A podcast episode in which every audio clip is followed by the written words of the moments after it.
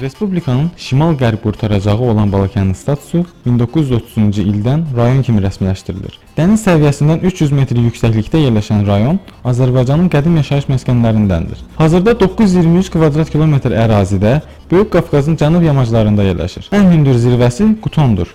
Dağlıq zona rayon ərazisinin təxminən yarısını əhatə edir. Yağıntılar bol olduğu üçün çay şəbəkəsi sıxdır. Ən iri çay sərhəd boyunca axan qanıqdır. Balakən toponimi haqqında bir neçə variant mövcuddur. Belə ki, yerlilərin fikrinə görə Balakən balaca kənd deməkdir. Tarixdə isə ilk dəfə 5-ci yüzillikdən etibarən gürcü mənbələri Almaniyanın Belakan adlı yaşayış məntəqəsi barədə məlumat verirlər. Bel, dağ, çevrə ruhu, sonra tanrı anlamını daşıyıb. Başqa bir versiyaya görə Oğuz sərkərdəsi Belakanın adını daşıyır.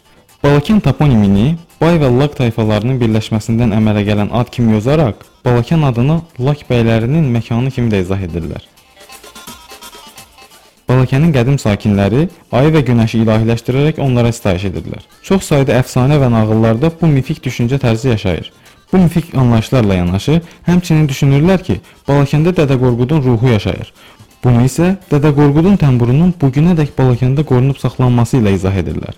Təmbur türk dilli xalqlar arasında ən geniş yayılmış simli musiqi alətidir. Azərbaycanda orta əsrlərdə çox geniş yayılıb. Eradan əvvəl 65-ci ildə Qanıq Alazan vadisində baş tutan Roma qoşunları ilə döyüşdə şəxsən iştirak edən Plutarx yazırdı ki, bu yerin insanları sakit təbiətli, məğrur və döyüşlərdə cəsarətlidirlər. Milliyyətinə görə Balakən bölgəsi etnik müxtəlifliyi ilə fərqlənən ərazidir. Dağıstan və Gürcüstanla həmsərhəd olması onun etnik tərkibinə təsir göstərib. Bu xalqların tarixən bir-biri ilə təması bölgə əhalisinin ümumi dildə danışdığı Azərbaycan dilinin bu bölgəyə xas şivəsinin yaranmasına səbəb olub. Qədim Balakən bu günədək həmin etnik qrupların məskəni, vətənidir.